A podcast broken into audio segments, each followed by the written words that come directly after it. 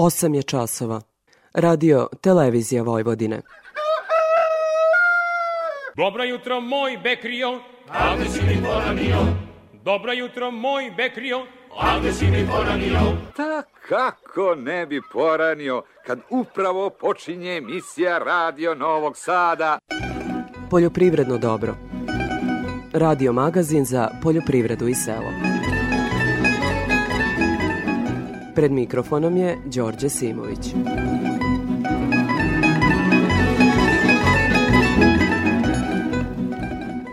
Poštovni slušaoci, dobar dan. Kao što smo i najavili, u petak je skup održalo udruženje odgajivača goveda Centralne Srbije. U saopštenju prosleđeno medijima nakon skupa navodi se da je prošlo više od 40 dana od prethodnog skupa kome je prisustovala i ministarka poljoprivrede Jelena Tanasković – Umeđu vremenu, uprkos uvođenju prelemana na mleko i pojedinih mlečnih proizvoda, došlo je do značajnog smanjenja otkupnih cena sirovog mleka i to sa procentualno najvećim snižavanjem kod malih proizvođača. Kako proizvođači do 9 krava čine 96% od 116.000 gazdinstava i 69% krava u Srbiji, ovakva situacija ih sigurno gura u gašenje proizvodnje. Trenutno Srbiji nedostaje mleko koje bi proizvelo oko 40.000 krava i jasno je da će se ovakav trend nastaviti ukoliko država ne sprovede radikalne mere na tržištu i u proizvodnji mleka. Najave nekih mlekara da će se aprilsko mleko plaćati između 38 i 55 dinara i otkazivanje otkupa pojedinim proizvođačima pogodiće oko 90% proizvođača mleka u Srbiji, navodi se u saopštenju.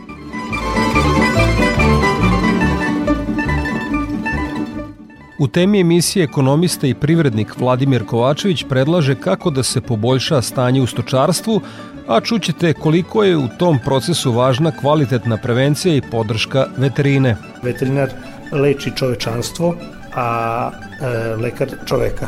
Znači sve greške koje napravi veterinar, koje kasnije preko, preko e, ishrane dođu u čovečiji organizam, zapravo posledice sačeka kasnije lekar. Na stočnim pijacama u Srbiji od sredine marta beleži se rast cene prasadi i očekivanja da će do uskrsa kilogram prasetine žive vage koštati 500 dinara obistinila su se i ranije. Od prošle sedmice prase teško između 12 i 25 kg ne može da se kupi jeftinije od 500 dinara po kilogramu, a na online pijacama i specijalizovanim stranicama na društvenim mrežama pojedini proizvođači iz Šabačkog kraja za kilogram traže i 550 dinara. Proizvođač Goran Jašić iz Dublja kaže da je novo poskupljenje više posledica male ponude prasadi na tržištu zbog skoro devastiranog stočnog fonda i malog broja krmača nego što se približava uskrs kada cene kao pred Božić uvek rastu.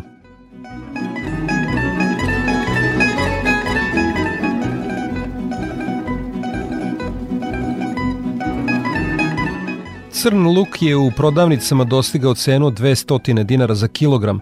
Direktor zemljoradničke zadruge Agrosoj iz Neuzine, Nandor Vereš, to objašnjava katastrofalnom lanjskom sušom što je znatno smanjilo prinos. Posle su nastupile kiše što je dodatno ugrozilo preostali luk. On je bio dosta lošije kvaliteta i velike količine morale su biti prodate i potrošene odmah, objašnjava Vereš.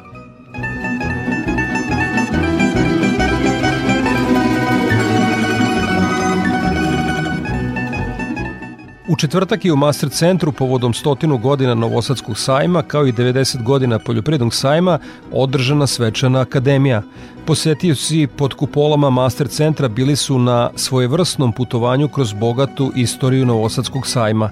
Vrlo vešto je uklopljen film Stotinu godina Novosadskog sajma sa predstavom Stotinu godina sajma u izvođenju glumaca Srpskog narodnog pozorišta – Za kadencu na kraju pobrinuo se Simfonijski orkestar Zrenjaninske filharmonije sa fantastičnim izvođenjem slobodno se može reći himni grupe Queen, Bohemian Rhapsody i We Are The Champions. Šlag na tortu bio je spektakularan vatromet, a u sklopu akademije posetici su pozvani na jubilarni 90. Međunarodni poljopridni sajam koji će biti održan od 20. do 26. maja.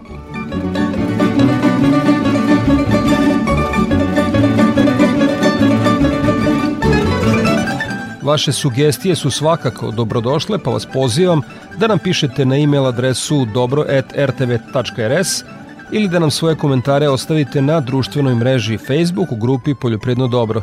Toliko uvodu slušamo ansambl Debeli Lad i pesmu Ostani još dan.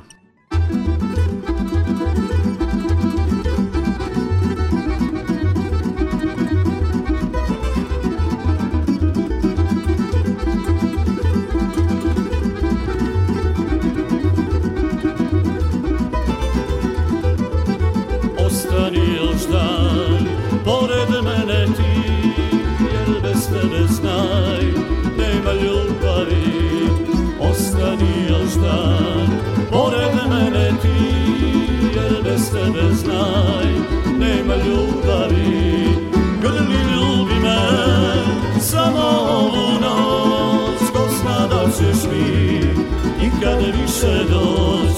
Grli ljubi me Samo ovu noć. Kosna da ćeš mi Nikad više doć?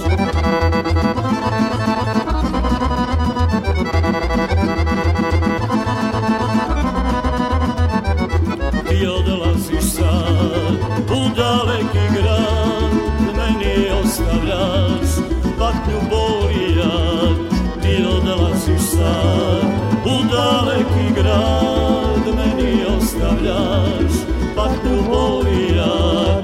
Grli ljudi me Samo ovu noć Ko zna da ćeš mi Nikad više noć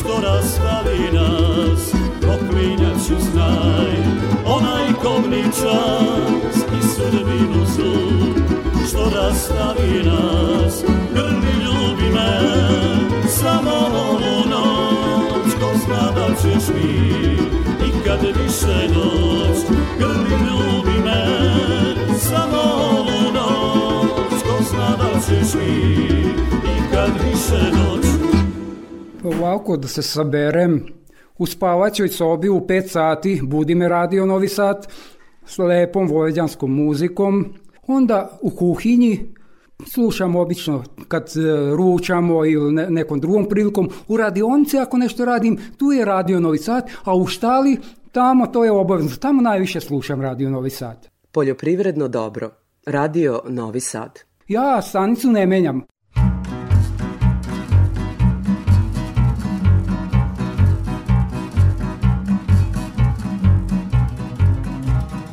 U nastavku poljoprivrednog dobra sledi detaljnija agroprognoza Ljiljane Đingalaševića iz Hidrometeorološkog zavoda Srbije.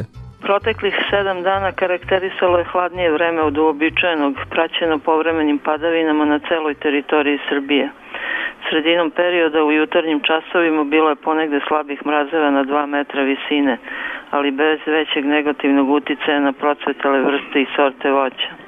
U prizemnom sloju vazduha bilo je slabih do umerenih mrazeva koji nisu pričinili štetu na ozimim usevima. Maksimalne dnevne temperature vazduha su tokom sedmice varirale i bile su u intervalu od 6-7 do 20-21 stepen.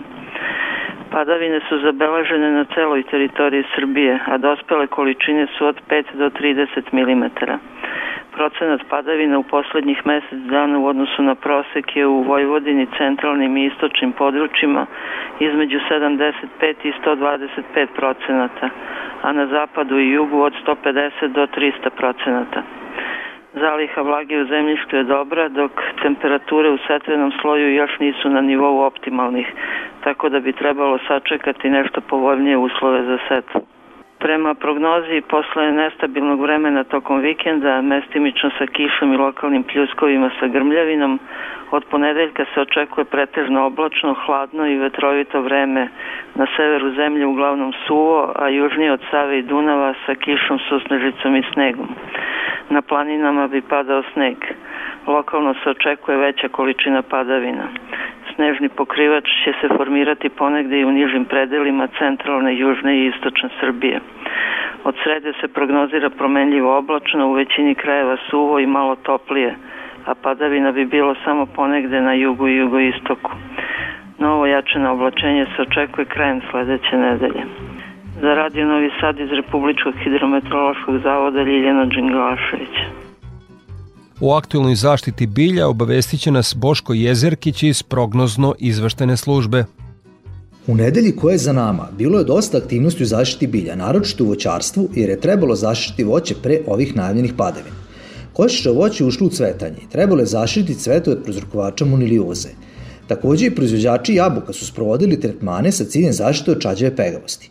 U zasadima krušaka, u sortimentu koji nije ušao u cvetanje, trebalo je zaštiti kruške od obične kruškine buve i čađeve pegavosti kruške, A kod zasada krušaka sa najranijim sortimentom pomputijunske lepotice, koji su ušli u fazu cvetanja, preporučivani su preventivni tretmani sa ciljem zaštite od bakterijne zaplemenjača jabučastog voća. Još jedno moramo podsjetiti proizvođače, kao i u prethodnim emisijama, da je primjena insekticida u fazama cvetanja zakonom zabranjena, a da se prilikom primjene fungicida trebaju sprovoditi sve raspoložive mere sa ciljem zaštite pčela i drugih oprašivača. Ono što nas čeka u narednom periodu jeste zaštita šećerne repe od repine pipe. Ove štetični smo pričali u prethodnoj emisiji, spomenuli smo preventivne mere borbe, koje su još uvek aktualne jer je setva šećerne repe još uvek u toku.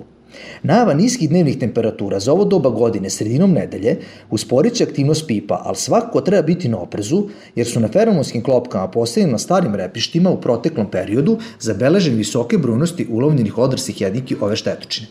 Koje su to preventivne mere koje se preporučuju? To je kopanje lovnih kanala oko starih repišta, naročito na onim koji se graniče sa novo posjenim usejima. Zatim, gušća setva uvratina, e, koja je isto dobra mera, jer je na taj način moguće žrtvovanje jednog dela biljaka na koje pipa prvo dolazi da se hrani. Usevi šećerne repe iz najranijih rokova setve ušli su u fazu klijanja nicanja i tu treba obratiti najveću pažnju na prisustvo repine pipe. Hemijske mere suzbijanja preporučuju se ukoliko se registruje od 0,1 do 0,3 pipe po metru kvadratnom nekim od registrovanih insekticida. Započela je sadnja krompira za ranu proizvodnju, a sadnja krompira za jesenju proizvodnju tek predstoji. Upravo je jesenja proizvodnja krompira ugrožena od krompirovog muljca – To je ekonomski veoma značajna štetočina krompira širom sveta. U poslednjih 10 godina ova vrsta je postala najznačajnija štetočina krompira u južnim krajima naše zemlje, a od pre nekoliko godina na području Vojvodine.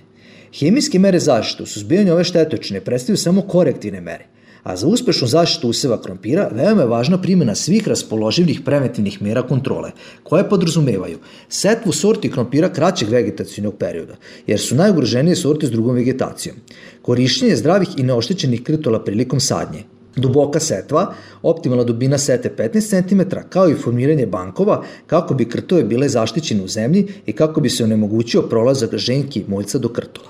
Iz prognoza izveštene službe zaštite bilja Boško Jezerić. EPP. Pesticidi, đubriva, semena i još oko 2000 artikala za poljoprivredne proizvođače, uz besplatan prevoz, stručne savete i mogućnost kreditiranja. Hemoslavija, Novi Sad, Stevana Sinđelića 17, na putu za veternik. Hemoslavija 021 63 11 666. Pitali smo širokolisne i uskolisne korove iz kukuruza šta ih najviše plaši u njivi. Čif i nikogan. A šta su čif i nikogan? Proizvodi koji nam ne daju da se razvijamo ko ljudi. Mislim, ko korovi. Pa vi onda, kao korov, u kukuruzu više nemate šta da tražite. Da, nažalist. Da korova nema ni od korova. Čif i nikogan. Adama. EPP.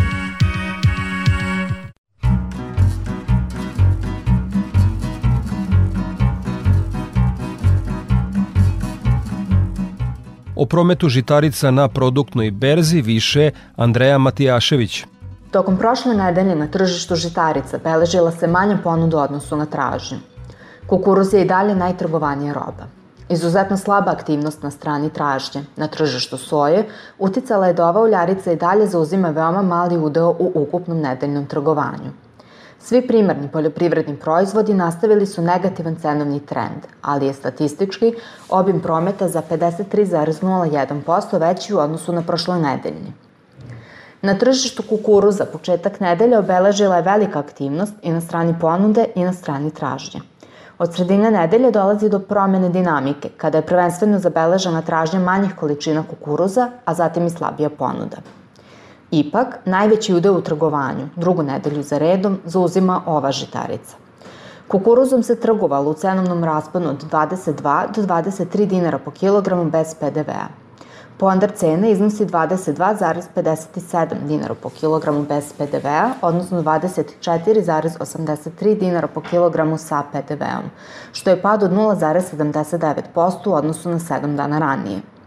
Cene, pored pariteta prodaje, u mnogome zavisile od toga da li je ponuđena roba imala analizu na aflatoksin. Krajem nedelje prisutna je bila i ponuda robe sa povećanim procentom vlage, do 16%, a berzanski ugovor zaključen je po ceni od 21,40 dinara po kilogramu bez PDV-a. Kada je u pitanju pšenica, slaba aktivnost ponuđača bila je prisutna tokom cele protekle nedelje. Strukturu kupaca činili su trgovci i izvoznici, a tražnja je bila usmerena na pšenicu sa proteinom od 11 do 12 procenata. Berzanski ugovori zaključeni su u cenovnom opsegu od 23 do 23,50 dinara po kilogramu bez PDV-a. Ponder cene iznosi 23,16 dinara po kilogramu bez PDV-a, odnosno 25,47 dinara po kilogramu sa PDV-om, što je za 5,48% manje u odnosu na prošlonedeljnu ponder cenu. Početkom nedelje sojino zrno nuđeno je po 61 dinar po kilogramu bez PDV-a uz obračun kvaliteta, dok je tražnja u potpunosti izostala. Kako je nedelja odmicala, slaba tražnja ili njen izostanak dovela je do ponuda na nižem cenovnom nivou, što je krajem nedelje rezultiralo zaključenjem ugovora. Sojino zrno sa 2% nagorelnih zrna prometovano je po jedinstvenoj ceni od 56,30 dinara po kilogramu bez PDV-a, odnosno 61 dinar 93 pare po kilogramu sa PDV-om uz obračun kvaliteta. Veštačko đubrivo urea, ruska granulisana, u pakovanju 500 kroz 1, trgovana je po 58,71 dinara po kilogramu bez PDV-a, odnosno 499 evra po toni bez PDV-a na paritetu CPT kupac. Suncokretova sačma sa 33% proteina prometovana je po 38,50 dinara po kilogramu bez PDV-a. Sa produktne beze Andreja Matijašević. Nakon izveštaja sa produktne berze, Gordane Jeličić iz Infotim Logistike obavestit će nas o trendovima na tržištu stoke. Sve cene su bez uračunatog poreza na dodatu vrednost. U toku ove nedelje naši saradnici su tovne svinje sa farme oglašavali po ceni od 235 do 245 dinara po kilogramu, tovljenike sa mini farme po ceni od 229 do 245 dinara po kilogramu, a tovljenike iz otkupa po ceni od 225 do 231 dinar po kilogramu. Ukupno je ove nedelje ponuđeno više od 2000 tovljenika. Tokom nedelje, pregovori za farmsku robu su bili na nivou do 240 dinara po kilogramu. I kako stvari stoje, ovaj nivo cena se prenosi za iduću nedelju, gde su već neki naši saradnici dogovorili izvesne količine farmske robe na 240 dinara po kilogramu. Osim tovljenika, beležili smo i ponudu nazimica za priplod F1 po 45.000 dinara po komadu, Krmače za klanje su se za ovu nedelju dogovarale na cenu od 180 dinara po kilogramu. U toku nedelje prasaca farme su oglašavana po ceni od 480 do 530 dinara po kilogramu, prasaca mini farme po ceni od 416 do 500 dinara po kilogramu, a prasad iz otkupa po ceni od 435 do 460 dinara po kilogramu. U ovoj nedelji imali smo ponuđeno preko 1000 prasadi. Zbog slabe operativnosti robe na terenu i dalje se beleži širok raspon cena u pregovorima za prasadima različitih kategorija i kvaliteta. Koliko čujemo na terenu, naši saradnici su dogovarali prasad u rasponu cena od 450 do 460 dinara po kilogramu. Više od 500 jagnjadi ponuđeno je po ceni od 333 do 417 dinara po kilogramu, a ovce za klanje po ceni od 150 do 185 dinara po kilogramu. Klaničari su zainteresovani za nabavku jagnjadi za naredni period. Nivo cena koji bi plaćali je u rasponu cena od 335 do 350 dinara po kilogramu. Neka manja količina je tokom nedelje dogovorena na cenu od 370 dinara po kilogramu. Ponude bikova Holstein oglašena je po ceni od 270 do 294 dinara po kilogramu, bikova simentalaca po ceni od 270 do 326 dinara po kilogramu. Ove nedelje ponuđeno je više od 50 komada bikova. Po rečima kupaca, nije bilo većih cenovnih pomeranja oko pregovora za bikove i dalje smo u rasponu cena 2,7 do 3 evra po kilogramu sa uračunatim PDV-om. Junice su bile u ponudi po 305 dinara po kilogramu, a krave za klanje po ceni od 218 dinara po kilogramu. Kada je živina u pitanju tovnih pilića na terenu nema operativnih količina ili su već unapred dogovoreni. Okvir cene je 170 dinara po kilogramu. Jednodnevno pile, teška linija, je bilo ponuđeno na cenu od 50 do 65 dinara po komadu. Tronedeljno pile je ponuđeno na cenu od 222 dinara po komadu, a koke nosilje su nuđene na cenu od 833 dinara po komadu. Cene su izražene bez PDV-a. Za Radio Novi Sad, Gordana Jeličić iz Infotim Logistike. Slušamo Zvonka Bogdana i pesmu Živim život ko skitnica. Po temi emisije govorimo o predlozima za poboljšanje stanja u stočarstvu i koliko je u tom procesu važna kvalitetna prevencija i podrška veterine. Živim život ko skitnica. Roman mi je bez stranica. Svud po svetu gnezdo svija. Danju spava, noću svira. Svud po svetu gnezdo svija, danju spava, noću svira. Od života sve što ima, malo nade kad sam pijan i ove noći sve do zore. Neka crne vatre gore ove noći sve do zore. Neka crne vatre gore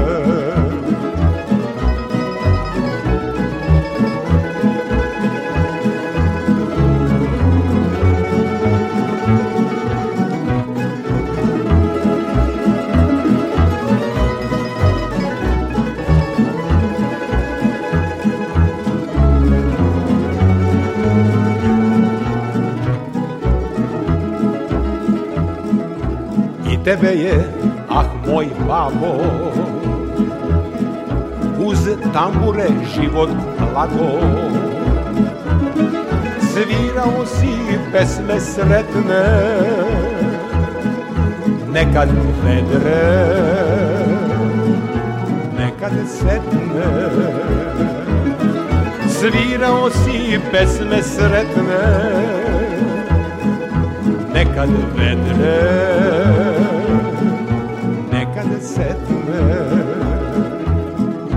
Nek se igra, nek se toči. Ne skrivajte srećne oči. Bez tambura nema pesme. Noćas ljubi ko ne sme. Bez cigana nema pesme noćas ljubi i ko ne sme. Tema emisije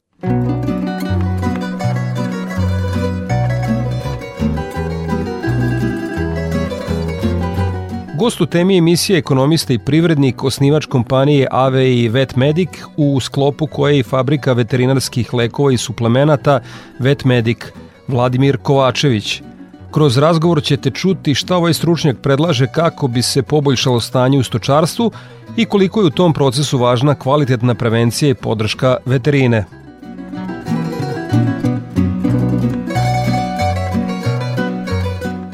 Koji su osnovni e, problemi stočarstva u Srbiji po vašem mišljenju? Pa stočarstvo u Srbije je od uvek bilo taoc nekih političkih interesa i sa nedovoljno pažnje je e, se e, ljudi obraćali stočarstvu. Pre svega, ako možemo, ako se osvrnemo ko su ministri koji su bili zaduženi za agrarnu politiku, oni su popravili ljudi koji nikakve veze u svom prethodnom životu nisu im bili imali sa stočarstvom. Pa onda nije ni čudo što nam stočarstvo tokom ove e, prethodne godine e, praktično prepolovljeno. I tu čak nije ni važno ko je direktan autor toga. Mislim, bilo e, prosuto mleko ne može da se grebe Suština je da imamo stravične posledice, a to je da je godinama taj stočni fond praktično padao da bi se strmoglavio zapravo prošle godine i najveći pad od drugog svetskog rata u broju životinja u Srbiji se dogodio tokom a, prošle godine.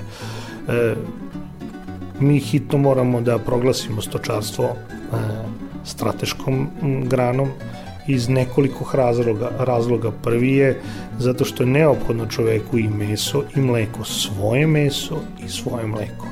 Zato što mi, zašto to ističem? Zato što su se mi kao država opredelili da ne gajimo e, GMO žitarice, koje po pravilu imaju veće prihode i otporniji su na različite vremenske uslove. Znači, nije bez veze modifikovano e, e, zrno žitarice pridodate su im neke bolje karakteristike. Mi smo se opredelili i razumeli da ta modifikacija u, kroz landac ishrane utiče i na genom čoveka. I kao društvo, kao država, rekli smo, to je za nas neprihvatljivo. Nismo dovoljno se okrenuli ka suštini, dopustili e, da uvozimo meso i to obilato uvozimo meso životinja koje su u Evropskoj uniji gajeni e, GMO žitaricama. I onda se ja pitam gde je tu naš seljak i šta mi to zapravo radimo. Znači, ako je e, domaća proizvodnja u pitanju, ona je obligatorna da rade sa, sa žitaricama koje su zapravo manje profitabilne. Znači, manje prinosa daju i manje su otporne na, na stalne vremenske e, promene dok e, u odnosu na, na žitarice koje su u, u, se koriste u Europskoj uniji i plus Evropska unija je uradila taj domaći zatak koji mi nismo. Ona je prepoznala da je trend takav da mladi ne idu ka stočarstvu, da stočarstvo doživaju robijom, a podsjetio bi da je krupna stoka naročito krupna stoka zahteva u zavisnosti od toga kakva je, da li su to bikovi ili su to krave, ona za, zahteva tretman gotovo e, celoga dana. Ako životinja koju čuvate traži da, da je pojite, da je muzete, da je hranite na 3-4 sata, pa to je robija veća nego što je robija centralnog zatvora u, u, u Beogradu. Vi u centralnom zatvoru makar ležite i jedete i, i ne radite ništa, a ovde vi imate bukvalnu radnu robiju i zato ti seljaci ne idu ni na slave, ni na rođendane, ni niti, na, niti su o, o, e, skloni savremenom životu. Zbog toga mladih ljudi nemamo u stočarstvu. Tako se to dogodilo u celoj Evropi. I šta su radili evropljani? Obilatim i masivnim posticajima su usmerili ljude da profitom da tu robiju ipak načine prihvatljivom. I šta sad oni postičuju, postiču svoje e, stočare da imaju jeftino mleko i meso. I plus posticajima da sve viškove koji se naprave zapravo oslobode time što šalju tu vrstu proizvoda u zemlje koju su imali, nisu dovoljno izregulisali ovu oblast, a to je Srbija. Znamo da je se godišnje između 2 ili 3 milijarde evra potroši na odbranu nerealno visokog kursa dinara. Koliko jak e, dinar e, pogoduje, to jest predsednje pogoduje ovom uh, celom scenariju koji imamo u stočarstvu, da se naprosto trgovcima isplati da uvoze ovu robu iz inostranstva? Ja lično smatram da mi moramo da steknemo veštinu preobražaja. Mi smo društvo koje je, je naklonjeno kupovini i uvozu, a trebali da pređemo u društvo koje je naklonjeno i izvozu i prodaji. Dakle, ako bi trebali da budete, pošto smo uspešni u ovom i e, hoću da kažem da preko 50% prihoda u budžetu dolazi naplatom PDV-a iz uvoza, carinom. Dakle, mi smo iz, iz ugla ekonomije, mi smo duboko obolelo društvo. Da bi ostvarili tako obilati i masivan uvoz, e, najvažniji alat treba da vam bude stabilan kurs. Naravno da je stabilan kurs pogoduje uvoznicima, a ne pogoduje izvoznicima. Ako bi se drugačiji bio kurs e, dinara e, e merama centralne banke Srbije, tada bi se komparativna prednost naših proizvođača u odnosu na strane poboljšala. Međutim, e, balans treba napraviti oko opštih interesa uopšte u, u, u, u Srbiji. I ja ne mogu da ignorišem saznanja da je veliki broj e, građana Srbije zadužen u kreditima je. I ako bi vi napravi debalans tog stabilnog kursa, onda bi vi imali situaciju da ste unesećili jedan značajan e, e, broj ljudi u, u Srbiji. Prema tome, treba biti jako oprezan oko kvalifikacije da li taj kurs treba da bude mekši ili ne. Ja sam za to da se mi raznim programima e, zaštitimo i posticajima nekih značajnih grana kao što je to stočarstvo, ja se zalažem za to da mi proglašimo sto, stočarstvom strateškom granom i tako je tretiramo. Ako je nešto strateško, onda je, onda je negujete, zalivate, postičete, e, e, dodatno obraćate pažnju. E, nijedno društvo nema neku veliku sreću ako nema dovoljno razvijeno sobstveno stočarstvo. Ne možete očekivati da, da na kraju to je sve povezano preko hrane imate uticaj i na zdravstveno stanje potpune populacije. Pa nema većeg značaja za čoveka nego da ima zdravo meso i mleko. Gost u programu Radio Novog Sada, ekonomista i privrednik e, Vladimir Kovačević. Šta je dobro u subvencijama i u subvencionisanju stočarstva koje država daje, šta bi valjalo popraviti? Pa najčešće e, e, da država ne obraća prvo dovoljno pažnju. Ako mi kroz protok vremena e, pogledamo, definicije da država nije dovoljno obraća pažnju na, na srpske stočare. A onda kad se dogodi da praktično dovedemo do nule ili gotovo blizu nule proizvodnju mesa i mleka o kojem smo pričali, onda se brzo probudimo i masivnim nekim aktivnostima i e, tražeći vrlo brzi odgovor e, tržišta, sipamo novac u poljoprivrednike po pravilu čak i nesmotreno, ali kad vi to sve sagledate onako sa distance i kroz vreme i prostor, najčešće to ovako izgleda, da stočar zatraži nekih 10 dinara i bilo, ili e, stotina hiljada ili bilo čega, a da država razume da im potrebno da daju 6 ili 7 dinara u odnosu na ti 10. Nikada dovoljno da bi zapravo stočar bio dovoljno e, zadovoljan. Ja, na primjer, predlažem da za promenu, a svašta smo pokušali, samo to još nismo, makar i masivno i preplatimo subvencijama e, stočare, da vidimo kako će to biti, jer se to od drugog svetskog rata zapravo nije, nije dogodilo. Jer stočarstvo pokreće masu druge industrije, tu vam je i ratarstvo, tu vam je odmah i prerada, tu vam je stotinu drugih stvari. Najgluplje zemlje sveta proizvode e, žitarice koje izvoze. To, tu, tu nema neke pameti, to kad iz ugla ekonomije to je velika glupost. A najpametnije zemlje sveta proizvode malo žitarica, puno uvoze žitarica jer su napravili proizvod za koje je neophodna žitarica, oplemenile svojom industrijom i, i svojim radom i taj proizvod prodaju po celom svetu. Pa pogledajte šta nam Italija, na primjer, radi celom svetu sa testeninu ili on izvodi neke pecivo ili on izvodi neke keksove. Pa ajmo da se ugledamo na neke zemlje koji su to, to štivove savladali. Vreme je da se probudimo.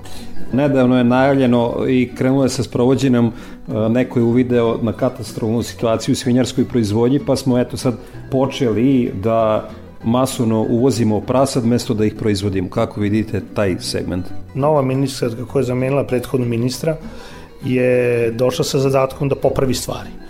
I ona popravlja onako zdravo razumski kako misli da treba. Znači, nama treba s mesta stvarno smesta. Znači imamo nedostatak. Međutim, zbog toga što je to dominantan utisak, e, e, država je sagledavanjem tog problema napravila meru da se uvozi prasad, posticanje uvoza prasadi jer to trenutno se podilazi e, potrebama e, tržišta. Međutim, prava bi mera trebalo zapravo da bude ne uvoz prasadi, nego uvoz nazimica, odnosno krmača i da te krmače uđu u obore e, srpskih proizvođača i stočara i da imamo e, e, svoju prasad, a ne tuđu i uvoznu. Mi u veterini imamo koeficijent e, prašenja s kojima e, najčešće e, kalkulišemo 2,5. To znači da krmača jedne godine se dva puta oprasi, jedne godine tri puta.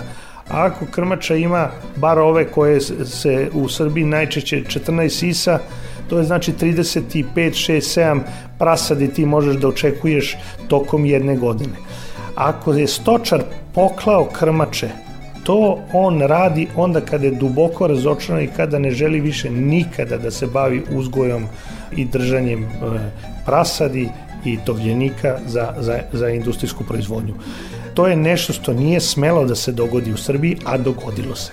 Kako komentarišete činjenicu da premije za mleko, koliko god država da, da odvoji toliko mlekare koje otkupljuju mleko, smanje za iznos te premije? Kako, kako urediti premiranje mleka, a da taj novac dođe do stočara?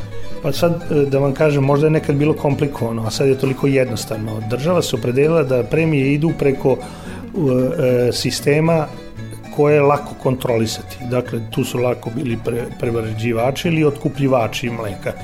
Međutim, pošto je toliko sada usitnjena držanje krava, treba sagledati ipak mogućnost da, da direktno subvencije idu odgajivačima, poljoprivrednim gazdinstvima. Ja sam video da je ministarka insistirala na to da se svako registrovano gazdinstvo sada ide prijavi na e-agrar, dakle nikada nije jednostavije nego što je danas da se direktno subvencije dodeljuju poljoprivrednim gazdinstvima i ne treba tu da budu nikakvi komutatori između niti ovaj, prerađivači, niti otkupljivači.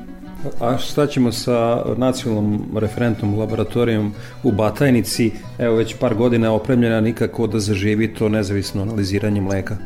Pa ja sam čuo da se da će se ovih dana to konačno nešto i promeniti. Nažalost je to e, tako. Mi baš zbog toga smo imali situaciju da u ovom e, u ovoj dolini kada nije bilo dovoljno e, mleka, kada se uvozilo ovaj mleko u prahu, mi smo bili pod rizikom da i to mleku u prahu bude nedovoljno iskontrolisano. Inače da vam kažem, svaka zemlja sveta e, forsira proizvodnju e, mleka i o, o, držanje krava, a sve viškove je jednostavno uskladištiti. Pa mi se sećamo ovaj, i ovi stariji nekada u vojsci je, ovaj, smo imali skladišne e, robe kakve su je mleko u prahu. On je lako za držanje, dug, ima i dug, dug rok. Prema tome, e, mleko u prahu je mogo biti proizvod koj, kojim mi mogli da snabdevamo i druge države. A mi smo došli u situaciju da uvozimo mleko u prahu zbog nedostatka nad, e, ovaj, e, veštine nacionalne laboratorije, pitanje pod kojim uslovima i ko kvaliteta je bilo mleko u prahu koje je sad, kojem dodavana voda i, i, i upuštano u tehnološki postupak, pa smo imali kravicu ovaj, na koju smo naviki da pijemo, a zapravo je porekla bilo nekog poljskog mleka u prahu. Gost u programu Radio Novog Sada, ekonomista i privrednik Vladimir Kovačević, vaša, tako da kažem, oblast gde ste se pokazali kao privrednik je veterinar, pa bih voleo da skrenemo malo i na taj deo. Koliko ima istinu tome da mladi veterinari preferiraju da se bave tim poslom u urbanim sredinama, da se specializuju za pse i mačke, a da selo i krupnu stoku izbegavaju? Pa evo, ovaj, nažalost, desio se sada paradoks. E, Pre svega, moje porodice u, u fabriku veterinarskih lekova ulož, uložila značajna sredstva i danas je ona najznačajniji proizvođač veterinarskih lekova na Balkanu. Zbog toga mi imamo ovaj, veliku povezanost i sa veterinarskim fakultetom, jer učestvujemo u edukaciji mladih studenta, razmenjujemo mišljenja i mnogi studenti dolaze e, da posete fabriku Vršcu. Mi smo uočili tu jednu masivnu promenu u demografskoj strukturi studenta. Nekada su studenti veterinarskog fakulteta bili više od 80% muškog roda jer je poimanje bilo takvo muških veterinara da će raditi u nekim stajama, da će biti u nekim farmama, što možemo da složimo ne prili, više priliči muškarcu u odnosu na, na žene. Međutim, kako se e, je vreme odmicalo, kako je derogiralo stočarstvo i mladi ljudi su pametni lako uočavaju, kako su se trendovi menjali i u Evropi, i svetu, pa i u Srbiji, danas je demografska struktura veterinarskog fakulteta takva da je ono naklonjena psu i mački, odnosno kućnim ljubimcima, dakle emociji. 85% studenta e, veterinarskog fakulteta danas su devojke a svega 15% muškarci. Pa to dovoljno govori o trendu kuda mi idemo. Ja e, smatram da je država je ta koja treba da napravi balans u interesima cele populacije. I to je osnovni interes države, da trendove neke umiruje ili podstiče. Mi smo danas potpuno debalansu u odnosu na ukupne životinje koje se ovaj, koje su prisutne u Srbiji. E, trend je rastući, preko 25% je ovaj, svake godine raste broj domaći hobi životinja e, e, životinje koje neguju naše emocije u sobstvenom životu u odnosu na, na farmarske životinje. Koliko je mlad veterinar koji izađe sa fakulteta u nekom proseku, tamo ste gledate osposobljen da se bavi odmah tim poslom i šta mu je potrebno da bi, da bi ovladao tim poslom e, koliko struka zahteva? Suština je da nije lako biti uspešan veterinar i da treba puno godina i ne znam koliko ljudi to znaju da, da je zapravo, a mi učimo to pošto u našim kompanijama radi lekari, farmaceuti veterinari, mi imamo jednu krilaticu za koju, koju znaju veterinari, a ne znaju lekari, a to je da veterinar leči čovečanstvo, a e, lekar čoveka. Znači sve greške koje napravi veterinar, koje kasnije preko, preko e, ishrane dođu u čovečiji organizam, zapravo posledice sačeka kasnije lekar. S tim u vezi e, mora vas pitati kako da svedemo upotrebu antibiotika na našim farmama na razumsku meru? Pa time što će se ambientalni život u odgajanju tih životinja e, značajno povećati. Ti trendovi su u toku. Vi imate e, i već sada izdvojeno sigurno 6, 7, 8, možda i 10 sistema koji su to razumeli u odnosu na neki prethodni period e, što se tiče odgajanja životinja. Najčešće su to složeni sistemi koji imaju i markete neke svoje, makar ti je tako u Srbiji, pa imaju i e, taj retail maloprodajnu mrežu, pa onda znaju kada čim da utove životinju, ako je u pitanju meso ili ako je u pitanju odgajanje krava, pa e, mleko, da za čas će se to upakovati i preraditi i staviti u maloprodaju. Dakle, E, dizanjem ambijentalnih uslova odgajanja životinja, one su veoma osetljive, naročito su kada je u pitanju tovljenici, oni su osetljivi na promaju, osetljivi su i na e, stajske mirise, osetljivi su na sve. E, kad to dovoljno budemo razumeli, onda će biti i da ćemo dovesti sebe da je veoma mali količinu antibiotika koristimo za njihovo ovaj, normalan život. Gost u temi emisije Poljoprivrednog dobra u kojoj smo govorili o stačarstvu i kako ga unaprediti je ekonomista i privrednik Vladimir Kovačević koji je osnivač fabrike veterinarskih lekova i suplemenata Vetmedik. Hvala vam puno na odvojenom vremenu za naš program. Hvala i vama što ste došli i snimili ovaj razgovor. Toliko u temi emisije slušamo Oliveru Katarinu i tamburaški orkestar Janike Balaža i pesmu Čep u Slavinu. Čep, čep, čep, u slavinu nož, nož, u slavinu rogo, rogo, rogo, zi, sledi malo zi, e, rogo, rogo, rogo, zi, sledi malo zi. Mili Bože, a što mi ga nemaju? Mili Bože, a što mi ga nemaju? Sigurno se zadržao u selu kod žena, A šta ćemo za večeru? Lepa sira i krompira. A šta ćemo za večeru? Lepa sira i krompira. Rogo, rogo, rogo, si sredi pa vozi. E, rogo, rogo, rogo, si sredi pa vozi. Mili Bože, a što mi ga nemaju? Mili Bože, a što mi ga nemaju? O, pobogu. Sigurno se zadržao u selu ko žena, joj.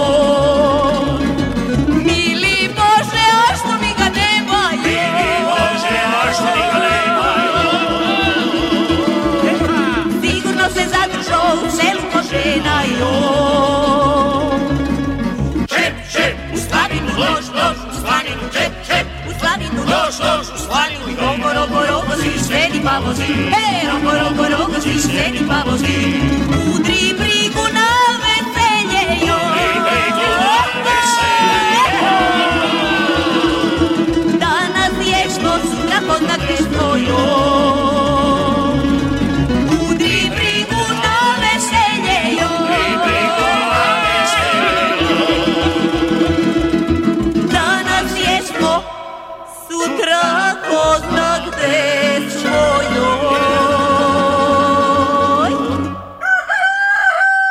Poljoprivredno dobro.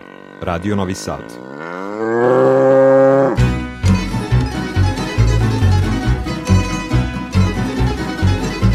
U nastavku emisije slušamo priloge naših dopisnika. U Kikinskoj poljoprivrednoj stručnoj službi ne smanjuju se gužve za prijavu poljoprivrednika u novi elektronski registar poljoprivrednih gazdinstava. Iako krajnji rok za prijavu ne postoji, poljoprivrednicima je važno da obave prijavu i obnovu statusta gazdinstava kako bi ispoštovali rokove za podnošenje zahteva za željenu subvenciju. Tatjana Popović. Iako je osnovni cilj uvođenja elektronskog registra da poljoprivrednike oslobodi odlaska na šaltere, nepotrebne papirologije i čekanja u redovima, čitav proces nisu mimo išle gužve, nedoumice i uglavnom tehničke poteškoće. Uz gužve u talasima protiče i prijavljivanje u Kikinskoj poljoprivrednoj stručnoj službi.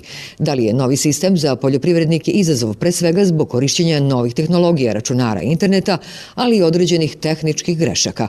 Evo što kažu Dušan Romakov i Dragan Kralj, poljoprivrednici iz Kikinde. Iako postoji malo otpora i ono kod nas starih ljudi kao kako će to izgledati, sigurno će to biti bolje. Sigurno. To ne znači da ćemo imati više i prinosa. Znam da rukujem telefonom i sve, ali nije, e, problem je u tome što te aplikacije i to sve, evo sad sin mi instalirao, ne mogu da otvorim, ne mogu da uđem, još uvek ne može. U zahtevnom poslu Kikinska poljoprivredna stručna služba pomaže poljoprivrednicima maksimalno, naglašava direktor Mladen Đuran. dobar deo e, poljoprivrednih proizvođača prosto jednostavno ne barata sa tim tehnologijama, mi tu pomažemo koliko god možemo.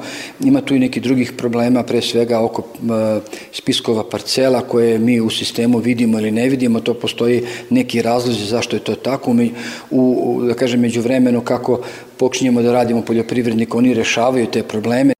Poljoprivrednicima je važno da obave prijavu i obnove status gazdinstva kako bi ispoštovali rokove za podnošenje zahteva za željenu subvenciju. Na primjer, za ostvarivanje e, subvencije po hektaru, taj rok je sada 15. maj. Znači, do 15. maja oni moraju da urade registraciju svog, znači urade prvo obnovu gazdinstva, registraciju sebe e, u, u e-agraru i da podnesu elektronski zahtev za tu subvenciju. U zavisnosti od rokova ostalih subvencija, naglašavaju u Kikinskoj poljoprivrednoj stručnoj službi, poljoprivrednim proizvođačima biće data prednost prilikom registracije gazdinstva, a samim tim i pristup subvencijama. EPP. Pesticidi, đubriva, semena i još oko 2000 artikala za poljoprivredne proizvođače, uz besplatan prevoz, stručne savete i mogućnost kreditiranja. Hemoslavija, Novi Sad, Stevana Sinđelića 17, na putu za veternik. Hemoslavija 021 63 11 666. EPP.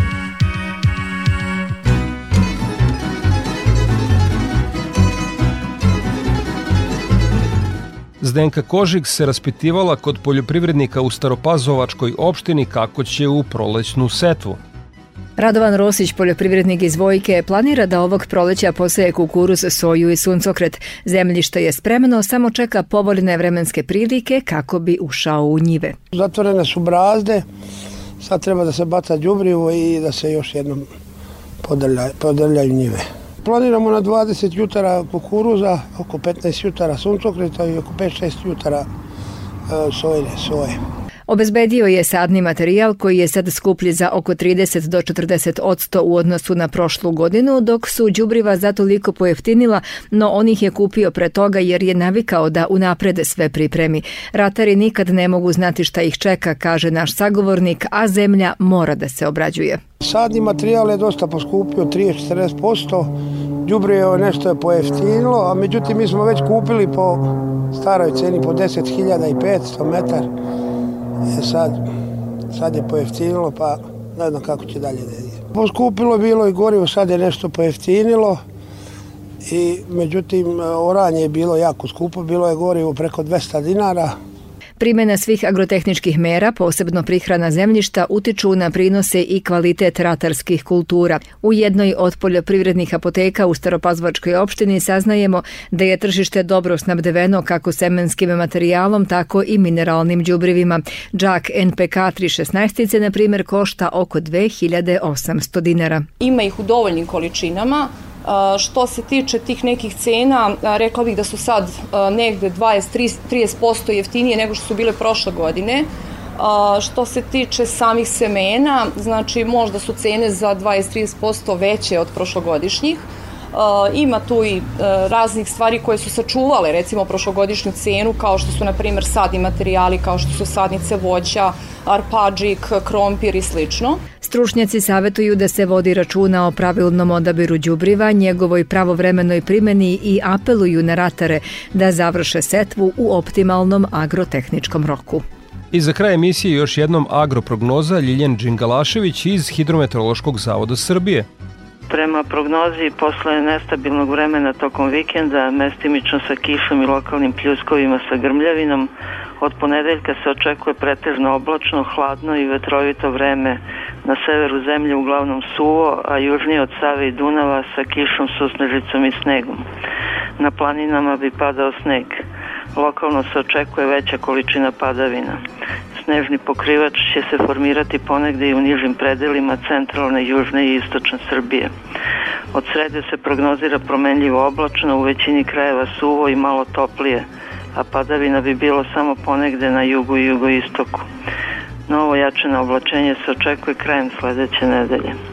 Za Radio Novi Sad iz Republičkog hidrometeorološkog zavoda Ljiljana Đinglašević.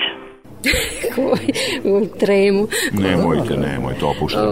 Poljoprivredno dobro opušta.